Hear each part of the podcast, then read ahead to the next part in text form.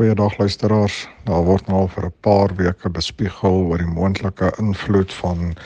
voëlgriep of die spesifieke stam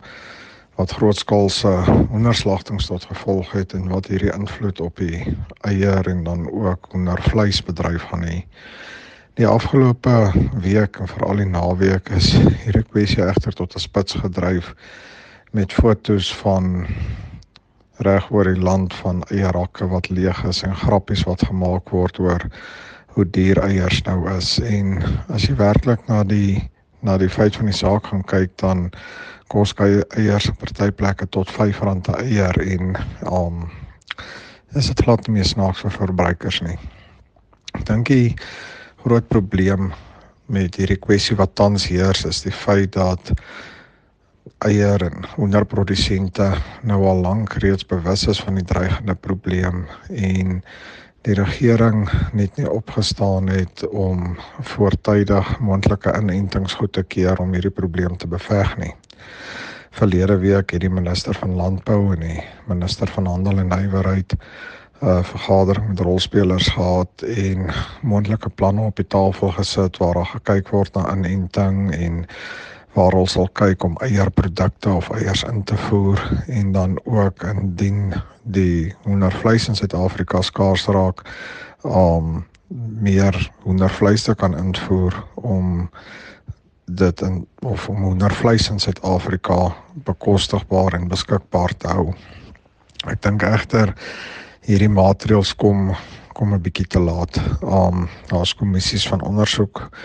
wat weer aangestel moet word en ons gaan wag vir hulle bevindinge om te kan sien wat die rabat wat gegee gaan word op hoendervleis gaan wees en waar die eiers wat aangevoer moet word vandaan gaan kom. Ek dink in die korttermyn gaan ons redelike hoë eierpryse bly beleef aangesien daar net 'n tekort aan eiers is en ek dink alhoewel daar eiers op die rakke sal wees, gaan dit verskriklik duur bly. Die probleem is nie net vir hongerprodusente wat miljoene voëls moet uitslag en van voor af um honders moet kry om weer op 'n lesstadium te kom nie. Maar dit is 'n baie groot probleem vir verbruikers in Suid-Afrika.